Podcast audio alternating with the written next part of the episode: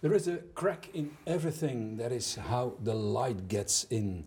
Als Leonard Cohen het zingt met die in melancholie gedrenkte stem, hoor je het aarzelende licht door de scheur lopen. Psychiater, psychoanalyticus Mark Kalmijn citeert Cohen niet toevallig of gratuit in zijn uh, behartenswaardige boek Depressie is menselijk. De ondertitel namelijk is net zo belangrijk. Onze donkere kant anders belicht. De crack in the light dus. Alweer een uh, publicatie over depressie, denkt u, in de Himalaya-keten van boeken over dat onderwerp. Maar dan oordeelt u te vroeg, want dit boek is toch echt anders. Hoe anders, dat proberen we te ontdekken in het volgende uur. Ik praat met de auteur zelf, Mark Kalmijn, en met uh, zijn collega-psychiater Dirk de Wachter. Heren, welkom. Dank u. Mark Kalmijn, je boek heet Depressie is menselijk. En ik vind dat vreemd, want uh, niet veel later uh, pleit je er eigenlijk voor om dat woord niet langer te gebruiken, maar te vervangen door een werkwoord depressief zijn. -hmm. ja. ja, dat klopt. Uh, depressie is natuurlijk de term die algemeen bekend is. Hè? Dus, dat is, ja, hoe moet je dat noemen, ja, de naam die alle dag wordt gegeven. Maar het uitgangspunt, de manier van denken en werken, is voor mij gebaseerd op dat werkwoord depressief zijn. Dat, dat is geen statisch gegeven, dat is iets dat, waar iets in leeft en zit, dynamiek is. Maar goed, het zou natuurlijk een beetje moeilijk zijn om uh, op dat boek op de kaf te depressief zijn, is menselijk, Ja, dat is, er al niet op. dat zou er niet op geraken. Hè. voilà, vandaar. Hè. Maar je zegt uh, depressief zijn is eigenlijk lijden. Daar is zeker lijden, ja, dat is zeker. Hè. Uh, het lijden bij depressie kan heel groot zijn. Hè. Dus, uh, Het is niet alleen lijden in het leven, het is ook lijden van het leven. ja, voilà. Wat bedoel je dan? Ja. Een depressie is een van de meest diepgaande aandoeningen die een mens kan treffen. Dus die, en waarvan ook, eh, ik denk dat we daar later gaan toe komen, hè, als we het hebben over wat is depressie zelf, eigenlijk aangrijpt in de levensstroom, hè, die dus het leven zelf van de persoon helemaal omvergooit. Dus het is ook lijden niet alleen aan, maar ook van het leven. Hè. Ja. Ja. Dirk de Wachter, uh, je zegt zelf, um, depressie is eigenlijk een, een grillig vertakt verschijnsel en dat kun je onmogelijk onder één noemer vatten. Ja, ja, juist. Uh, dus waarom zit ik hier? Omdat ik het goed vind dat daar verschillende benaderingen in zijn. Dat dat niet een soort monolith is en tegenwoordig een soort neurobiologisch concept is en dat dat, dat dan ja, het, het, de term depressie overheerst. Dus ik vind het goed dat er heel veel verschillende benaderingen uh, rond zijn. Hè, dat, omdat het iets heel erg vertakt is, ja, zeker. En, en je, je, pleit eigenlijk bijna voor de benadering van de complexiteit van onder meer depressie. Hè? Van psychiatrie in het algemeen. Ja, dat, ja, doe ik, ja. dat doe ik uh, altijd mm. eigenlijk. Mm. Uh, maar het is iets van onze tijd om de dingen te simplifiëren. Uh, dus dat boek gaat daar wat tegen in en dat vind ik een goede zaak. Ik heb het ook geschreven, men kan, er, men kan het niet met alles eens zijn. Ik ben het ook niet met alles eens. Of, ah, ik ben geen psychanalyticus. Ik, het is niet dat ik zeg van ja, ja. ik ben helemaal ja. mee met, met al die dingen, maar ik vind het goed dat er andere visies zijn. Uh, dat, vind je dat er veel te veel vanuit een reductionistisch mensbeeld wordt uh, ja, in, in, in, het algemeen, in dit boek niet. Hè? Ja, ja, dat vind ik zeker. De psychiatrie simplifieert vanuit een soort... Uh, reductie, materialistisch, reductionistisch mensbeeld, maar ook vanuit een beeld dat dat uh, simpel en efficiënt moet behandeld worden. Hè? En dat heeft heel veel consequenties. Hè? In Nederland, de diagnose-behandelcontracten, men krijgt die diagnose, zoveel sessies en dan moet het opgelost zijn. En dat vind ik contraproductief. Mm -hmm. En dit boek is daar een tegenstem in en dat vind ik een goede zaak. Voilà, ja. En vandaar ook eh, vond ik zeer goed wat iemand van de uitgeverij uh, gaf als wat is dat boek eigenlijk? Het is een inspiratieboek. Hè? Mm -hmm. Het kan inspiratie bieden. Hè? Ja. Het, is niet, het heeft niet de pretentie om nu te zeggen, hè, uh, dat is het nu, hè, dat is de waarheid, maar het is inspiratie. Hè? Gebaseerd op toch wel ja, theoretische en klinische zaken die wel de moeite waard zijn om bekend te maken. Ja. Natuurlijk, uh, voordat we daarover gaan uh, uitvoeriger praten, moeten we weten wat een depressie is. Je verwijst ja. er zelf al naar. Laat ik even de DSM-5 erbij halen. Jullie Bijbel van uh, de psychiaters, een beetje de IKEA-catalogus. Niet voor uh, meubels, maar dan voor psychische stoornissen. Het is mhm. onvoorstelbaar als je dat boek, uh, we hebben dat al eens samen gedaan, mhm. Dirk, doorbladert, waaraan een mens allemaal niet kan lijden. Mhm. Laten we eens even gewoon bij depressie houden. Ik ben het even gaan opzoeken. Wat is volgens DSM-5, voor mensen die het niet weten, DSM-5 is werkelijk... Enfin, de, de grootste psychiaters werken daaraan mee. Dan vind je een hele serie van depressies terug. Ik noem er mm. enkele. Vitale depressie, exogene depressie, endogene depressie, personale depressie, gemaskeerde depressie, majeure depressie, klinische depressie. Mm-hmm. En ik zit nog maar aan het begin. Mm-hmm. Mm-hmm. Jij zegt, Dirk, uh, Mark, sorry, we kunnen door uh, de bomen het bos niet meer zien. Voilà. Of omgekeerd. Dat is duidelijk. Hè? Uh, al die soorten depressies die vermeld worden, dat, zijn, dat, dat is een deel van het geheel, hè, maar het is niet geïntegreerd in een concept. Het zijn allemaal verschillende zaken die vernoemd worden, maar de vraag is nu, ja, wat is daar nu eigenlijk de kern van? Wat is er nu gemeenschappelijk, waardoor dat het daar in één cluster wordt gebracht? Hè? En dat wordt, niet, uh, dat wordt niet in de DSM uitgelegd. Maar betekent dat nu bijvoorbeeld dat jij niet gelooft in een endogene depressie, of een exogene, of een majeure? Ja. Uh, in die termen geloof ik niet. Maar, uh, we gaan daar nou op terugkomen, depressie is iets dat de geest en het lichaam raakt. Beiden. Het is dus niet enkel exogeen door oorzaken van buiten. Het is niet enkel iets uh, endogeen vanuit de black box van het lichaam. Nee, een depressie raakt beide vlakken aan, beide dimensies. Dus dat onderscheid is eigenlijk een, is een achterhaald onderscheid. Dirk, mm -hmm.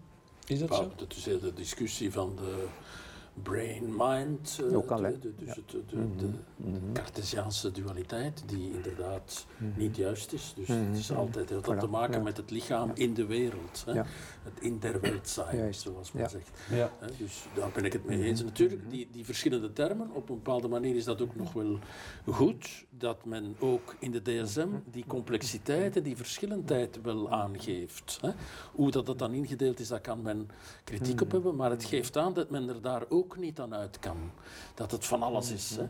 En natuurlijk, het is ook een soort gausscurve-achtige toestand. Sommige depressies zijn inderdaad zeer erg neurobiologisch, genetisch bepaald. Mensen die een goed leven hebben, maar genetisch heel erg naar het depressieve neigen. En aan de andere kant van de gausscurve, mensen die genetisch minder kwetsbaar zijn, maar door allerlei trauma's een zwaar leven hebben. Dus, maar het is altijd wel nature and nurture.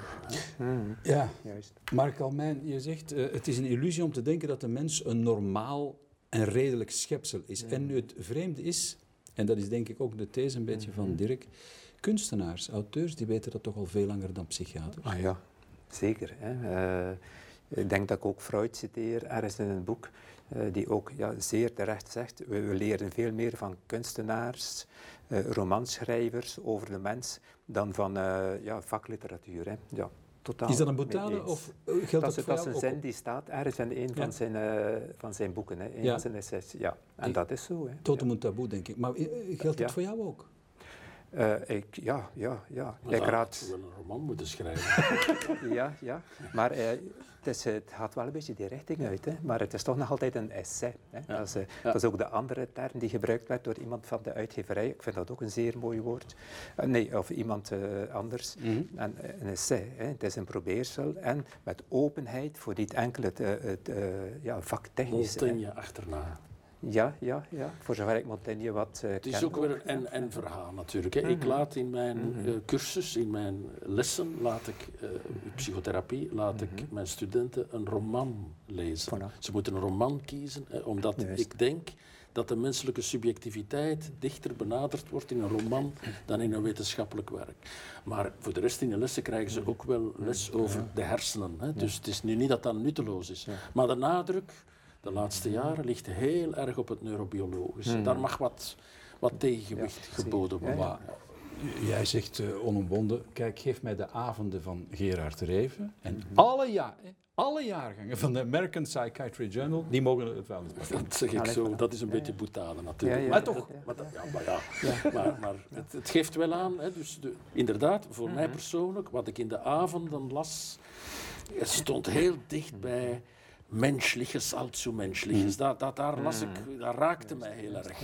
En de American Journal of Psychiatry, wat ik ook moest lezen voor mijn, voor mijn cursussen en zo, hè, mm. dat raakte mij niet. Dat was interessant en dat kon ik, ah, dat kon ik wel uh, cognitief vatten, maar dat raakte mij niet. Wat bedoel je met raken? Ah, wel, ik was daar niet goed van, zoals men dat zegt. Ik, uh, ik was daarmee bezig, dat bleef mij bezighouden. Dat, vond ik, dat, dat vond ik wezenlijk dat daar, daarin stond het wezen van de mens. Want dat boek De Avonden gaat. Niet over depressie in de psychiatrische zin van het woord, maar toch wel over, over het lijden aan het leven. Zo. Dat vind ik nog altijd een fantastisch boek eigenlijk. Ik raad dat ook aan aan collega's, aan iedereen uit ah, hulpverleners, van boeken te lezen, en ah, romans, te kijken naar goede, ja, het is dat, te kijken naar, naar er zijn ook goede tv-films, series enzovoort, maar ik ben daar niet zo in thuis, uh, waar men inderdaad veel meer kan van leren dan uh, van sommige handboeken. Hè. Maar wat mij opvalt is hoe vaak jij citeert uit de wereldliteratuur, poëzie ook, mm -hmm. Tolstoy, ja, ja, Anna Karenina natuurlijk, die fameuze beginzin, uh, alle gelukkige zinnen gelijk op elkaar, mm -hmm. elk ongelukkige zin is ongelukkig op zijn eigen wijze. Prachtige zin, hè? en ik denk dat voor een systeemtherapeut dat dat een droomzin is. ja, ja, zeker. Ik heb dat ook al geciteerd. Dus dat, voilà. Even op de depressie dieper ingaan. Hè. Er zijn ja, zeg je, vier levensvectoren, je noemt dat basisvectoren, die liggen aan de grondslag van ons mm mens zijn. En je gaat daar heel ver in, Mark eh, Kalmijn. Je zegt mhm. deze vier en geen andere in ziekte en gezondheid. Je bent daar formeel in. Ja, uh, ik ben daar niet formeel in. Dat is eigenlijk het resultaat van uh, onderzoek door vooral de twee founding fathers die ik citeer later in het boek. En zeker de eerste persoon, een, een Hongaarse psychiater, Leopold Zondi die ook een heel speciale levensgeschiedenis heeft meegemaakt. Onder andere is hij in, uh, in het concentratiekamp van uh, Bergen-Belsen opgesloten geweest. Is dan vrijgekomen, vrijgekocht, naar Zwitserland geëmigreerd.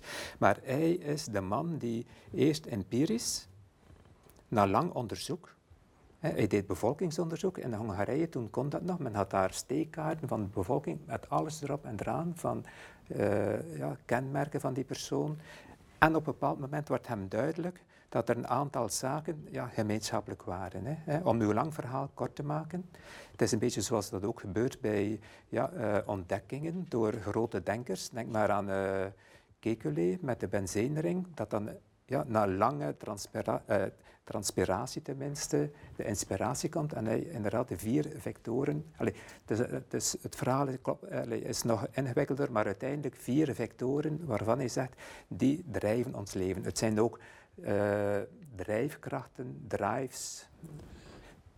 Maar dan heb je het over uh, tymopsychopathie, perversie? Nog niet, nog niet. nee. nee. Oh. Uh, die vier levensvectoren die richten de mens, of dat, en, en zowel in zijn manier van ontwikkelen, en, en ik noem dat in goede en kwade dagen, hè, eh, constructief, maar ook naar de pathologie toe. Maar het speelt ook een rol in ons, ja, de keuzes die we maken voor ons beroep, eh, voor relaties. Hè. Die vier drijfkrachten, ja, dat is de bagage die we mee hebben vanaf de geboorte.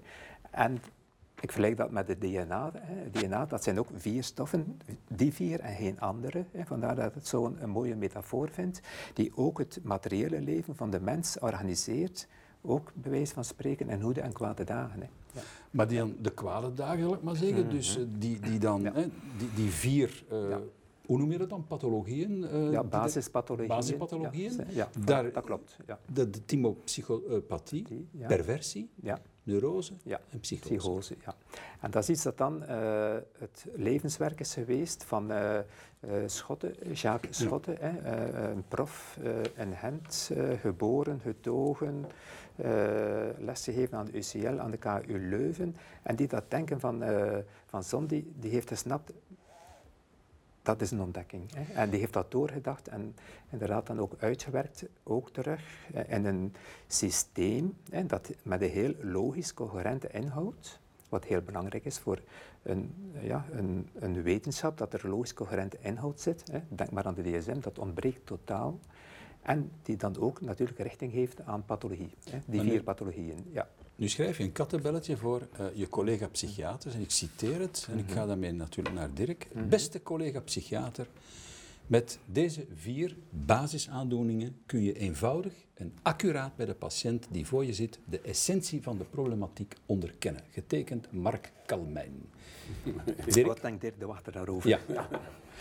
Wel, ik, ik, hanteer die, die categorieën niet in mijn werk. Hè. Ik ben een systeemtherapeut. Ik maar even het verschil tussen de psychoanalyticus en de systeem... Jij, jij vertrekt vanuit uh, het mensbeeld. Het relationele. relationele. Ja, de mens als interactie. Ik ben in de blik van de ander. Ja.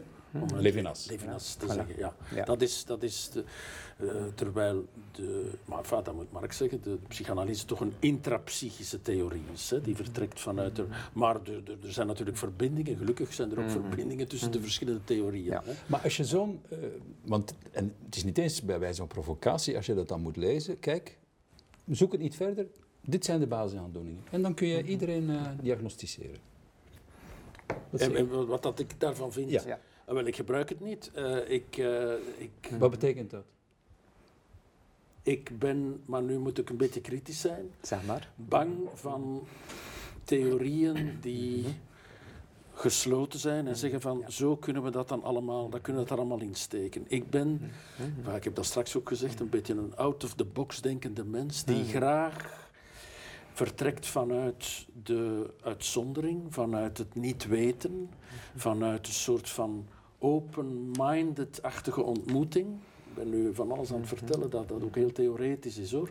He, waar, waarbij dat frames op de achtergrond blijven. Waarbij theoretische frames niet voorop staan. Het theoretische frame van de DSM, maar ook het van de antropopsychiatrie of andere frames, hè, hou ik graag op de achtergrond. Dat is in mijn achterhoofd. Mm. En op de voorgrond probeer ik voor zover dat het een beetje kan, onbevangen te zijn en onbevooroordeeld. Hè?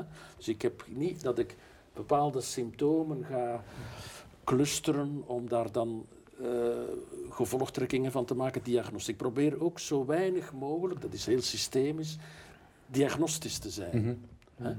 Dus de, zelfs de term depressie, dat is nu allemaal heel raar mhm. voor deze avond, maar de, de, de, de term depressie probeer ik te vermijden. Waarom? Ik ontmoet een mens, omdat het gevaar is dat dan de depressie voor de mens komt. dat, de, dat de psychiater dan met een eenvoudige frame of met andere frames de depressie ontmoet en niet de mens. Dat is toch ja, ja, We zijn het daar natuurlijk heel erg mee eens. Voilà, voilà. Ja. ik denk dat ook zeggen. Nee. Maar ik wil niet zo dat er komt iemand bij en zegt ik voel me niet goed mm. en ik denk mm. soms aan het, uh, ik kan niet goed eten en niet goed slapen. Mm. Ah, depressie. Ja, vertel maar. Ja, ja, dat, dat moeten we vermijden. Ja, ja, ja, ja, ja. Dat we maar, dus zo'n aha-erlevenis vermijden, omdat altijd de patiënt steeds opnieuw, mhm. deze mens zit hier voor mij en is anders dan alle anderen. Helemaal mee eens. Een, een soort heel unieke ontmoeting. Dat is een depressie die ook, uh, als je zegt inderdaad, het is een depressie, dat sluit de zaken. Nee, maar dat is juist uh, de, de grond van mijn boek, om het open te trekken. En vandaar ook dat, allez, wat hij daar zegt, uh, het gesloten systeem, ja en nee. Maar dat is een gesloten systeem dat juist veel openheid biedt. Je kunt het ook vergelijken met het alfabet, 26 letters. Die letters zijn geen andere. Maar wat de wereld opent het alfabet. Mhm. Dat is gelijkaardig met die vier basispathologieën, kunnen inderdaad de hele wereld helpen verklaren van symptomen die men niet kan, kan plaatsen. Ik geef graag het voorbeeld van de borderline-pathologie. Als je DSM leest, ah, hoeveel soorten zijn er niet? Hè? Dus, ja, en, uh, borderline Times uh, is uh, ook niet onbekend in de wereld. Maar lees al die symptomen. En dat zijn de meest verschillende symptomen. Daar zit geen enkele soort logica of, of rode lijn of, of gemeenschappelijke denken achter. Hè. Maar wat doe ik als iemand komt waarvan men zegt het is iemand met een borderline-pathologie? Ik kijk, wat is daar nu bij die dame, bij die meneer nu eigenlijk aan de hand. Hè? Gaat het om een van die vier of verschillende van die vier basiscategorieën? Want dat is iets wat je ook heel expliciet zegt. Ja. Vraag je af wat er aan de hand is. Hè? Bedoel, dat is een van de fundamentele vragen. Ja, voilà, dat is de, ja. Waar gaat het eigenlijk over? Hè? Precies. Nu, je bent een psychoanalyticus en mhm. Dirk uh, zegt dat ook in, niet en zegt ook wel in zijn voorwoord, kijk, en dat is bekend, dat, we, dat is geen geheim, uh, de psychoanalyse ja, daar wordt zeker in de Anglo-Saxische wereld een beetje meewarig over gedaan. Ik heb mensen ontmoet, psychiaters, die uh, zeiden van Freud was een geniale fantast. Hmm. Prachtig romancier, maar hmm. wetenschappelijk nul. Ja, ja, natuurlijk. Er is uh, wat men noemt de Freud-bashing. Dat is, ik raad de mensen aan uh, die dat zeggen om één boek te lezen en dat is van White boek. En dat noemt de Intellectual Biography of Freud. Daarin wordt op een heel intellectuele wijze, het op een heel intelligente wijze, dat is het woord dat ik moet mhm. zoeken, wordt een heel andere kijk gegeven op Freud, die ook een mens was, die ook zijn, uh, zijn kanten had enzovoort. En ook in zijn werken zijn daar inderdaad een aantal sporen uh, waarvan je vragen kunt bij stellen, maar die man ontleedt dat zo goed dat je zegt, ja, er is wel een Freud, allee, dat is wel belangrijk, Freud blijft belangrijk. Ook, en dat is ook een misvatting, zo gezegd, uh, uh, de psychanalyse zou niet werken enzovoort. Er, er is zoveel onderzoeken hè, uh, gedaan rond psychanalytische therapie, psychanalyse, langdurige psychanalyse. Hè. Denk maar aan Patrick Luiten, denk maar aan en Gent ook dinges, uh, Stijn, Stijn, Paul van Heulen natuurlijk, ja, Heulen, waaruit blijkt dat het op zijn minst even goed werkt als andere therapieën. Hè. Maar goed, dat is ook bekend. Hè. Alle psychotherapieën zijn de dodo-effect, ze werken allemaal. Maar de psychanalyse ja, kan toch een verschil maken. Collega-psychiater Boudewijn van Houdenhoven ah, die schrijft... Wij psychiaters zouden elke gelegenheid te baat moeten nemen, maar elke gelegenheid, Dirk, om de eenheid tussen lichaam en geest mhm. te benadrukken. Ja, ik ben het helemaal mee eens. Waarom gebeurt dat zo weinig in jullie vak? Ja, dat is... Dat is die, die, dat is opvoeding, hè? De borderline split is dat ook. Hè? Zo het, het, het splijten, we, we, splijten gemakkelijk de dingen af. Zo. Het is links en rechts. Het is, het, eh, ja, dat, dat is des mensen ook. In de complexiteit van de wereld dreigen we gemakkelijk in simplistische categorieën te vervallen. Ook als het gaat over ziekte en gezondheid. Bijvoorbeeld eenvoudig versus samengesteld depressief zijn. Ja, maar bij Boudewijn is dat heel erg. De problematiek van chronische vermoeidheid, daar heeft hij heel zijn carrière aan gewerkt. Mm Die zat, daar helemaal in. Hè. Mensen voelen zich moe, mhm. gaan dan naar de dokter, krijgen onderzoeken en nog onderzoeken, nog onderzoeken. Allemaal lichamelijk. hè. Mhm. En daar vindt men niet veel. Hè. En dan zegt men, ga naar de psychiater, want je hebt niks. Hè. Dat is natuurlijk verschrikkelijk. Ja, ja, ja. Ze voelen dus daarin toont zich dat heel erg. En de pathologie van de vermoeidheid en de burn-out gaat nog heel erg toenemen de volgende maanden. Hè. Daar staan we voor. En een van de problemen is inderdaad die, dat Cartesiaanse dualisme tussen lichaam en geest. Alsof dat, dat twee verschillende toestanden zijn. Hè. Maar dus de psychiaters moeten heel erg rekening houden ook met de lichamelijkheid. Dat is zeker ook een fout geweest in de psychiatrie. Hoezo? Dat te weinig rekening houden met, met de, fysieke, realiteit. Ja, ja, ja. Of, ja, ja dat, dat begint wel wat te veranderen. Er is veel nadruk aan beweging bijvoorbeeld. Het is allemaal uh, evident, maar toch, toch verwaarloosd. Ik speelde graag in op, de, op hetgeen dat Dirk zegt. En uh, eh, CVS, hè, dat is ook weer een voorbeeld het, het, chronische vermoeidheidssyndroom, men gaat in op een symptoom, maar men bekijkt niet wat er eigenlijk aan de hand is.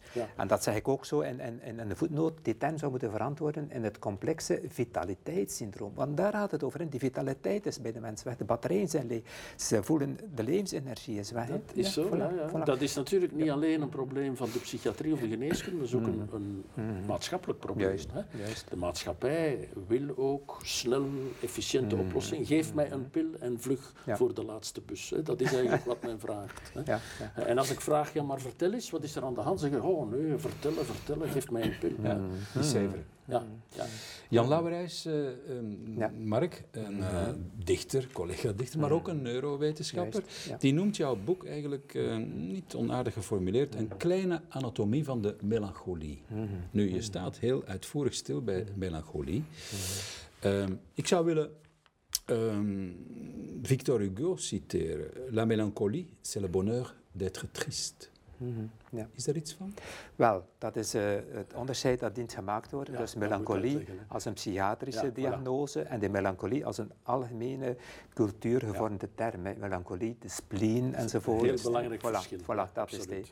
En natuurlijk, hè, de spleen, het heimwee, dat is een deel weer van, uh, van ons mens, menselijk leven. Hè. We hebben en de heimwee. dichters koesteren dat toch. Absoluut. Absoluut. Ook, absoluut. Juist, juist. En uh -huh. vertel het verschil. Waar zit het hem? Wat, wat denkt de, de dat is duidelijk. Hè? Uh, la mélancolie, c'est le bonheur d'être triste. Wat zegt de psychiater? Een melancholie in de psychiatrische zin is, uh, is het samen van, samengaan pardon, van een psychose en depressie. Ja.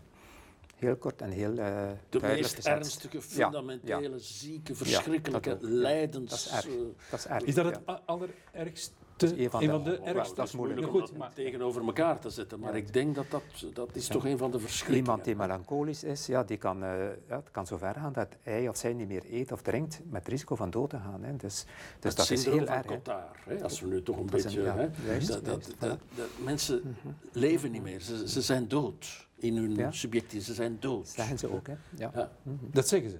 Ja, ja. Mijn, mijn, onderbuik is weg. Ik ben dood. Hè. Eh, eh, er is geen leven meer in mij. Ja, eh, het lichaam is weg.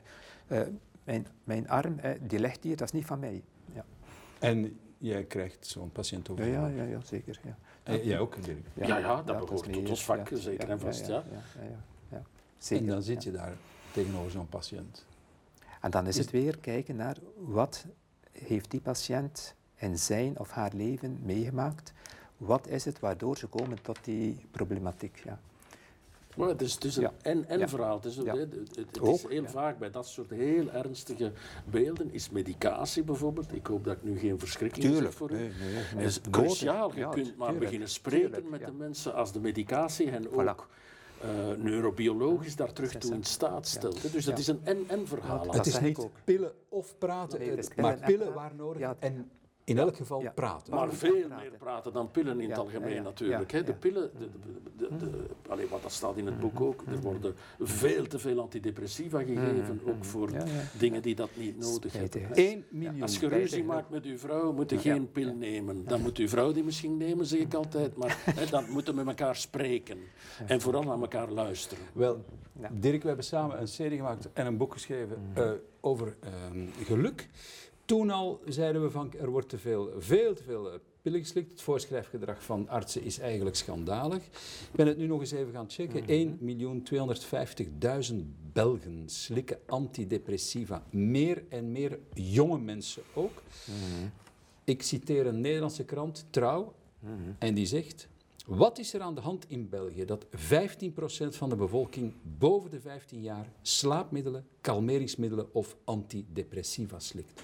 Hoe komt dat? In Nederland is dat het ook Ja, ik kan dat ook juist zeggen. Ja. Dat is overal in de westerse wereld. Er is meer cannabis gebruikt. Misschien is dat het verschil. Hè? Allee, bedoel, het, laat het ons niet als een Belgische ziekte zien. Het is in de westerse wereld hè, dat er ongelooflijk veel psychofarmaca Een alfaziekte. Nu moeten wij in Griekse letters spreken. Hè. We niet meer naar de oorsprong gaan. Hè. Niet meer naar het land. Hè. Het is waar. Ja, ja, voilà, voilà. De, alfa, de alfaziekte gaan we nu Goed. Het, laten maar het is heel veel. Het is zeker waar. Juist. Het is maar, en het, het, het wordt altijd alsmaar meer. En ook jongere mensen.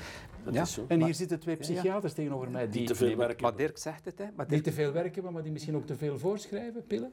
Maar Dirk zegt, het neurobiologische is zo, is zo dominant, hè, waardoor mensen... Laat me eerst antwoorden ja, op voilà, voordat ik... Uh, ik... Op jaarbasis mm -hmm. schaf ik meer pillen af dan dat ik er Dus mensen die bij mij komen met hun problematiek en met hun medicatie, en dan probeer ik daar toch wat in te rationaliseren, wat in te temperen mhm. en tot doses te komen die, die uh, rationeel en wetenschappelijk verantwoord zijn. Dus ik schaf meer pillen af op jaarbasis. Hè? Want ik zie natuurlijk ook... Dat je ervoor schrijft. Ja, ja, ik zie ook mensen die heel ziek zijn, zeker in het ziekenhuis, waar ik zorg voor.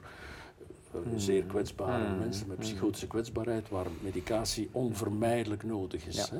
Maar wat depressie betreft is dat een heel genuanceerd verhaal, dat denk ik wel, ja. En, en merk bij jou, hoe, hoe zit dat het voorschriftgedrag nu letterlijk bij jou? Ja, dat is, uh, ik ben het eens met Dirk pellen en praten. Hè. Maar pellen moeten het mogelijk maken dat er kan gepraat worden. Hè. Mhm. Dat is niet toedekken. Hè. Daarom dat ik, uh, maar weet dat, uh, de collega's weten dat in het ziekenhuis uh, waar ik gewerkt heb, ook in het en zo. Ik ben niet voor kalmeermiddelen. Kalmeermiddelen, dat is een, een dat is, allee, om het in het mooi Frans te zeggen, dat is een merde. Hè. Hoeveel dat er voorgeschreven wordt, zomaar. Hè. Ik kan verhalen vertellen, ongelooflijk. En men, is, men, ja, men neemt het, want het is maar voor even, dat zal niet lang duren. Maar we hebben ook een artikel gepubliceerd in Tijdschrift voor Geneeskunde, met enkele, ook met een, iemand die een doctoraat daar rond gedaan heeft. Als je daarmee begint, het risico op twee jaar en vijf jaar naar het nog altijd nemen, ken de cijfers niet van buiten, is groot. Hè. Is waar, ja. Er niet aan beginnen. Hè. Maar Mark, je citeert zelf een Zwitsers psychiater, Roland ja. Koen. Ja, ja, ja, Die heeft jarenlang, dat is een van, geloof ik, eh, de man van het eerste antidepressiva. Voilà. En die heeft door jarenlange ervaring is die tot de conclusie gekomen, mhm. en ik citeer ja, ik ben het gaan opzoeken en het klopt, dat kalmeermiddelen bij depressie mhm. niet alleen niet werken, ze bemoeilijken ook de behandeling. Voilà, dat is het. Maar dat is Depressogeen, zeggen we. Hè? Ze maken depressief. Maar, benzo's, benzodiazepines maken depressief. Nu ga je toch niet zeggen dat die niet meer worden voorgeschreven? Integendeel. Integendeel, hè, dat is het. Maar goed, maar is, nee, serieus, hoe komt dat? Weten die anderen dat dan niet? Of zijn jullie hier aan het... Nee, nee. Kijk, klopt het niet? Nee, laat, het, maar... laat dat ook zijn. De collega's, ja, Allee, we mogen ze niet uh, polariseren of, uh, of hoe, moet, je dat noemen, niet zwart maken. Men doet wat men kan. Hè. Maar er is een algemene tendens, een, hele, een algemeen denken, waar het zo moeilijk is om soms zaken te veranderen. Hè. En het voorschijn van kalmeermiddelen is er één van. Hè. Ondanks alle uh, eh, PR vanuit de overheid, alle mogelijke promotiecampagnes, blijft dat hoog. Hè. Ja. Enfin, maar dan moet ik naar mijn stokpaardje komen. Hè. Dat is dat ik denk dat onze wereld, de westerse wereld, zo opgefokt is, zo doordrammend is, zo op zijn adem trapt, mhm. dat inderdaad al die slaap- en kalmeermiddelen nodig zijn om dat vol te houden. Op korte termijn is dat ook zo. Op lange termijn is dat... Eh, dus dat, dat zit hem niet alleen... Mhm. Maar ik, ik, wil ook genuanceerd zijn, het zit hem niet mhm. alleen in het voorschrijven van de arts, het zit hem in een maatschappelijk gebeuren dat eigenlijk oververhit is. Hè?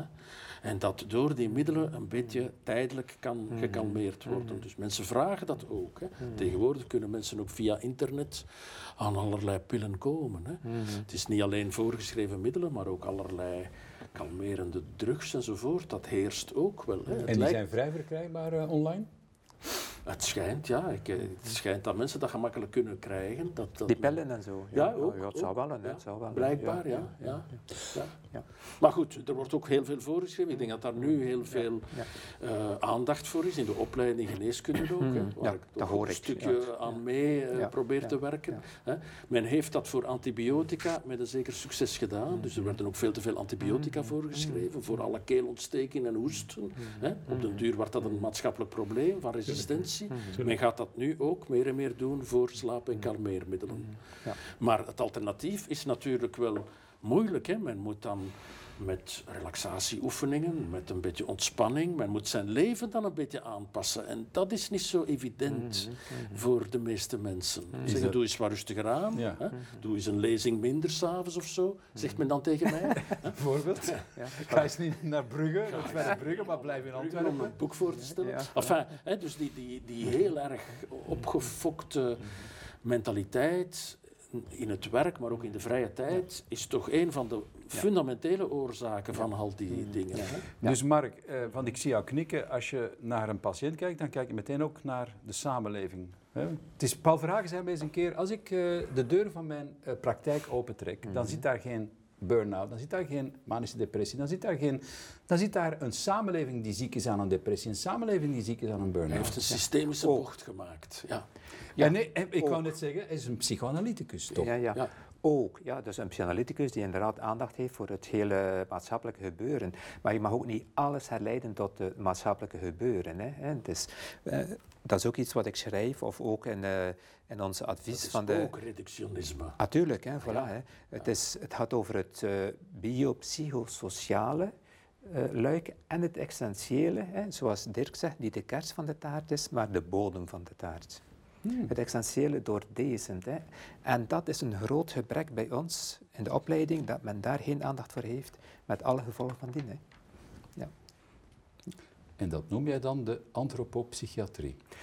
Enfin, uh, niet alleen, maar dat is waar jij voor staat. Dat is ja, model dat klopt. ja. De antropopsychiatrie is inderdaad het samengaan van ja, de moderne psychiatrie, de bevindingen vanuit de moderne psychiatrie, de filosofie, hè, eh, en om dan wat, misschien wat gedetailleerd te zijn, de fenomenologie en het structuralisme, en de psychanalyse, hè, door de bril van Leopold Zondi bekeken. Ja. Dat samengaan is, is, ja, dat heeft een creatief uh, denken in hang gezet. Want je laat even filosofie vallen. Je bent zelf mhm. een baccalaureaat uh, filosofie. Ja. Mhm lees ik dat goed in dat boek, dat je zegt, eigenlijk, als ik eerlijk ben, heb ik daar meer geleerd dan in mijn opleiding psychiatrie? anders, anders, hè, ja. Maar het verschil is dat ja, na zes jaar, ja, de, allez, zeker op laatste, ja, wat is dat, uh, symptomen, diagnose, pathogenese, oorzaken, hè, etiologie, behandeling, dat ik, toen ik uh, die lessen volgde van filosofie, er ging een wereld voor mij open, van een heel andere wereld, waar er anders gedacht werd, verschillende visies, verschillende standpunten.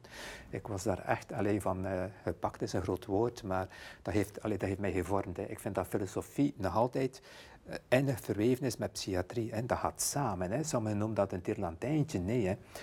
Goede filosofie, ja, goede, dat is geen morele uitspraak, maar een degelijke filosofie en psychiatrie, die zijn nodig. Hè. Want de grote vraag waar wij als psychiaters en hulpverleners moeten mee bezig zijn, is wat ja, ook een titel is van een boek van Marc Ledoux. Waar zijn we mee bezig? Hè? En? Wat zijn we aan het doen? Ja, we moeten reflecteren. We moeten, moeten daarbij stilstaan. Wat we nu doen, ja, wat is dat? Hè? Bezig zijn, daarover reflecteren, kunnen ook constructief kritisch over staan en niet gewoon doordoen en hè, naar de volgende hype en naar de volgende ontwikkeling van medicatie. We moeten, Zo kennen wij elkaar. Hè? Het is ja, de, zo? zo is dat begonnen. Door de, de sectie uh, ja. filosofie en psychiatrie, ja. van de Ja, al iets vroeger, hè. Al iets vroeger. Ja, dat is toch ja, maar dat is ja, zeker. Ja. Meer eigenlijk bijna filosoferend dan, uh, tegenover elkaar staande dan, dan als psychiaters? Of? Nee, nee, nee. nee, nee, nee dus filosofie als, als fundament eigenlijk, als denken, het, het, het, deftig denken eigenlijk zo. En dat is belangrijk. De VVP ben ik daarvoor dankbaar dat ze die sectie hebben opgericht in filosofie en psychiatrie. Hè. En... Uh, en inderdaad, we waren uh, ja, bij de eersten om daaraan deel te nemen. We zijn een beetje oude krokodillen geworden, maar ik zie met ook veel, allee, met groot genoegen dat er veel jongere collega's bij komen. Er is echt een verandering bezig. Hè. Ik ben zeer content hè, dat, men, dat er meer en meer jongere collega's zijn die het belang inzien. Hè. Ik heb hoop. Hè. Ja. Hoop? Ja, Daar heb je het ook over. Hè? Ja, ja. Uh, laat ik eens even iemand citeren en ik, ga, um, ik hoop dat ik het meteen... Ja, hier. Ik ga Dirk eens vragen of hij weet van wie dat citaat komt. Het is een, een tamelijk uitgebreid citaat. Een quizvraag. Ja, ja, een, quizvraag. In ernst. Laten we optimisme niet verwarren met hoop. Optimisme is een psychologische houding ten opzichte van het leven. Hoop gaat verder. Het is het anker dat we uitwerpen in de toekomst, waardoor we aan het touw kunnen trekken om aan te komen bij wat we verlangen. Mooi citaat. Hè? Bij wat we verlangen. Van wie zou dat kunnen zijn? Geen idee. Nee, maar het zijn. Paus Franciscus. Ah. Ja, ja, ja. Nou, ik ben niet zo thuis in de literatuur van Paus Franciscus. maar uh, ja, ja. ja, ik volg het wel. Ja. Enfin, je moet ook altijd zien, die concepten, hoe worden dingen hoop en, en ja, verlangen, een beetje zien hoe dat, dat ingevuld wordt. Maar ik denk dat hoop, enfin, ik, ik geef ook wel les over herstel bijvoorbeeld. Hoop is een cruciale een cruciaal concept voor de psychiater. En dat is niet zeggen van het komt wel in orde, mhm. dat, is, en dat is wat daar mhm. bedoeld wordt ook. Hè. Mhm. Maar dat is ergens als persoon, als dokter, als in, uw, in uw vak staan voor de hoop. In de zin van, ik ben hier voor u. Ja. Eenders wat er gebeurt, hoe ja. slechter gevoel, ik ben hier, ik blijf hier ook. Ik laat u niet in de steek. Ik ben... Ik, ik, ik blijf geloven in Daarom zelfs niet in verbetering, want dat is te functionalistisch. Mhm. Ik blijf hier voor u. Hier is een mens die, die u niet in de steek laat. maar dat spreekt een onvoorwaardelijk ja, engagement onvoorwaardelijk, ja, zeker. Ja, ja. Ik, herken je dat ook? Ik denk dat dat heel fundamenteel is. Ja. Tot en met. Ja. En dat staat een beetje tegenover, ik, zet het nu, ik maak het was, tegenover een heel functionalistische psychiatrie, die zegt van kijk, een mens moet verbeteren, zoveel sessies, dan moeten verbeteren. Mhm. Als je niet verbetert, ja, dan, dan stoppen we ermee. Ik zou zeggen, als je niet verbetert, dan gaan we juist voort. Het, het, is dus uh, aanwezig blijven. Maar hoe, hoe, lang ga je voort? Ah, maar soms levenslang. Ja. Levenslang. Ah, maar er zijn mensen met een zeer grote kwetsbaarheid mhm. die, die levenslang een, wat ondersteuning nodig hebben. Mhm. Dat bestaat. Ja, Dat, is, dat is weinig modieus om te zeggen natuurlijk. Hè. Men wil doorstroming en zo. Mhm. En men wil vooruit enzovoort. Hè. En dat is, dat is het leven niet. Hè. Dus aanwezig blijven. Ja, maar dat betekent dat die mensen nooit zonder jou zullen kunnen. Of in andere hulp. Zo zijn er, dat is een, een, dat is een klein percentage. Ik, heb, ik ben 35 jaar psychiater. Er zijn patiënten die ik al 35 jaar ken. Enkele. Maar, en die komen niet elke week. Hè. Die mensen, dat, dat, is, dat, dat maakt deel uit van, mm van, van, van het leven eigenlijk. Van het leven zelf zo. En dat, mhm. eh, en dat is denk ik een belangrijke taak voor de psychiater ook. Om en niet voor enkel, heel kwetsbare mensen te zorgen. En niet enkel ambulant, hè, maar ook ingebouwd, letterlijk en figuurlijk, in onze psychiatrische voorzieningen. Hè? Of nu een paasafdeling. Of het is belangrijk dat er afdelingen zijn waar mensen die inderdaad niet meer met de gewone behandelingen verder geraken, dat daar nog plaats is voor die mensen die moeilijk een plaats kunnen krijgen in de maatschappij om de pathologie te sterken. Het is een heel moeilijk thema natuurlijk, ja, hè, omdat maar, de vermaatschappelijking, waar ik erg voor ben, die dreigt natuurlijk een soort van, van bezuiniging te zijn. Hè. Bedden kosten te veel en als mensen dan uh, ergens alleen wonen... En wie valt er eerst uit de boot? de meest kwetsbare mensen. Dat is zeker zo. maar hey, we, pleiten niet voor terug naar grote ziekenhuizen waar mensen in de hof wandelen. Nee, dat is absoluut niet wat, ik bedoel. Mark, je, je liet uh, behandeling vallen en dat, daar mm wijd je een eigenlijk expliciet hoofdstuk aan. Mhm. En je, je hebt hem al eerder laten vallen. Mark Ledouille, een, een collega mhm. psychoanalyticus van jou, schrijft, um, en die citeer je, in een collectiviteit is de patiënt de geduldige luisteraar. En dan denk ik, ja maar wacht eens even, dat is toch omgekeerd evenredig aan wat de gangbare mening is, dat de hulpverlener ja, luistert. Ja, Hoe moeten we dat voorstellen? dat is nu gaan we ook nog moeten naar jullie luisteren of wat? Ja, ja, ja. ja. Dat is, uh, ja. Eh, ik denk dat allee, eh, wie het boek van Marc Ledoux gelezen heeft, uh, kent de context daarvan. Maar, maar heel praktisch, om het praktisch te bekijken, we zien dat er mensen zijn die hun eigen ritme nodig hebben om te kunnen uh, vooruitgang boeken. En als je inderdaad, zoals Dirk zegt, is heel, heel functionalistisch zegt van binnen zoveel maand gaan we die stap doen en binnen zoveel maand uh, ben je genezen, om het een beetje cru te zeggen nu, dat werkt niet. De mensen geven met hun tempo aan hoe dat ze vooruit gaan. Hè. En zij weten heel goed wat, ja, wat behandelaars uh, bedoelen. Hè. Dat schrijft Mark ook zeer treffend. Een behandelaar die authentiek is, een patiënt had dat direct herkennen. Hè. Maar een behandelaar die zo'n beetje theoretisch bezig is en eigenlijk niet echt doorleeft, de patiënt heeft dat door. Is dat de reden waarom je schrijft? Ik vind het eigenlijk wel een mooi beeld. Als zorgverlener kunnen we beter van onze narcistische troon afstappen. Ja, ja, ja. ja, ja, ja. Is dat een, echt zo, het idee, de, de, de, de, de hulpverlener als ja, maar natuurlijk, ja, ja, dat is het probleem in de mm. hulpverlening, maar ook dat is het denigrerend, om het mm. extreem te zeggen, verkleuterend, koloniserend, neerkijken op de zorgvragende ander. Hè. Mm-hmm. Zeggen van, oh garme mm. toch, oh godtekes, maar je kunt... Maar ik, ik ben groot en sterk, ik ben onkwetsbaar, ik heb veel boeken gelezen, ik weet het allemaal. Luister naar mij, ik zal zeggen hoe dat moet. Dat is op korte termijn misschien aantrekkelijk. Men zegt, ah, die weet het. Hè. Geef mij een pil en vlug hier. Ze, hè. Maar op lange termijn holt dat het, de, de kracht van mensen nog verder uit. Hè. Dus ik pleit altijd voor de asymmetrie uit Levinas dan ook weer, waarbij de zorgvragende ander uit de hoge komt, uit de hemelen. En ik kijk naar hem of naar haar op en ik zeg, wat kan ik voor u doen? Wat is uw probleem? Hmm. Zo, letterlijk hmm. ja, kijken. Zo, wat verpleegsters ook hebben, hè? Zo dat verpleegstersmeervoud. Hebben we goed geslapen vanavond? Ah, ja. Vreselijk. Ja, ja. Manneke. Ja, bakje. Bakje. bakje. Alles ja, goed afgegaan, bakje. Ja, dat, is, dat is, dat is infantiliseren. Dat is, allee, dat is kinderlijk, dat is infantiliseren, dat is niets anders. Hè. Maar inderdaad, we denken dat we het weten. Hè. Um, Dirk verwijst naar Levinas en vaak en graag. Ja, ik ook. Maar jij verwijst dan uh, bijvoorbeeld naar Heidegger. En mm -hmm. het, het, begrip, dan moet je toch eens even duiden, gelassenheid. Hè, dus de gelatenheid. De gelatenheid, Mark, misschien wij de dichters of de auteurs die denken dan snel we laten het. we zijn gelaten. Nee, nee, nee, ja. Maar dat komt uit zijn boek, een zeer mooi boek, Gelassenheid. Er bestaat daar nog een, eh, een, Nederlandse vertaling van, maar het wordt niet meer opnieuw uitgegeven. Bij deze doe ik een oproep naar uitgevers zoals Peltmans om, uh, om dat terug uit te geven. Dat is een prachtige tekst. Ja, ja, Maar gelassenheid is een manier van in de wereld zijn die niet betekent, ja, we laten het allemaal passeren en we laten het allemaal gebeuren. Hè. Er wordt ook een onderscheid gemaakt tussen het rekenende, denken en het uh, meer, ik kan niet op de juiste term komen, mediterende denken. Hè. Het rekenen, rekende denken is nu ja, uh, schering en inslag in de psychiatrie. Hè. We gaan dat doen hè. De, de, en dan komt dat zo uit enzovoort.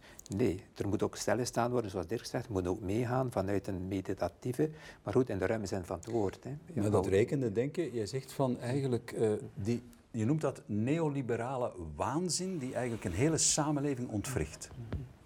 Ik weet niet, uh, is het specifiek, uh, ik zal in mijn boek daar het brengt het voor herlezen. individu en de gemeenschap uit evenwicht. Nu citeer ik Ja, ja, ja eigenlijk wel. Hè. Ja, uh, of kom je daarop terug? De mens wordt, nee, nee, nee, de mens wordt inderdaad herleid tot een, een object dat moet, ja, een product. Hè. En dan komen bij de, de managementscultuur in ziekenhuizen, waarvan ik... Allee, zacht gezegd een columnair ben, waarbij men inderdaad de patiënten, de mensen eigenlijk ziet als objecten. En dat, allez, klanten, hè, het woordje klanten wordt gebruikt. Hè, onvoorstelbaar. Er een verschil tussen ja. erkleren en verstaan.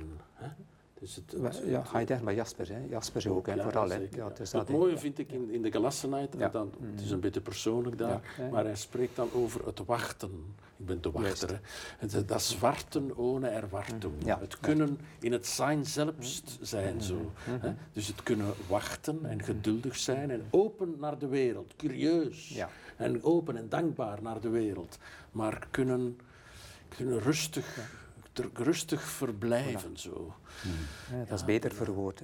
Maar daar komt op neer, de gelassenheid, daar gaat, daar gaat het over. Hè. Ja, ja. Mark, mag ik jou vragen tot mhm. slot? Want we zitten... ja, uh, ja, zover is het al.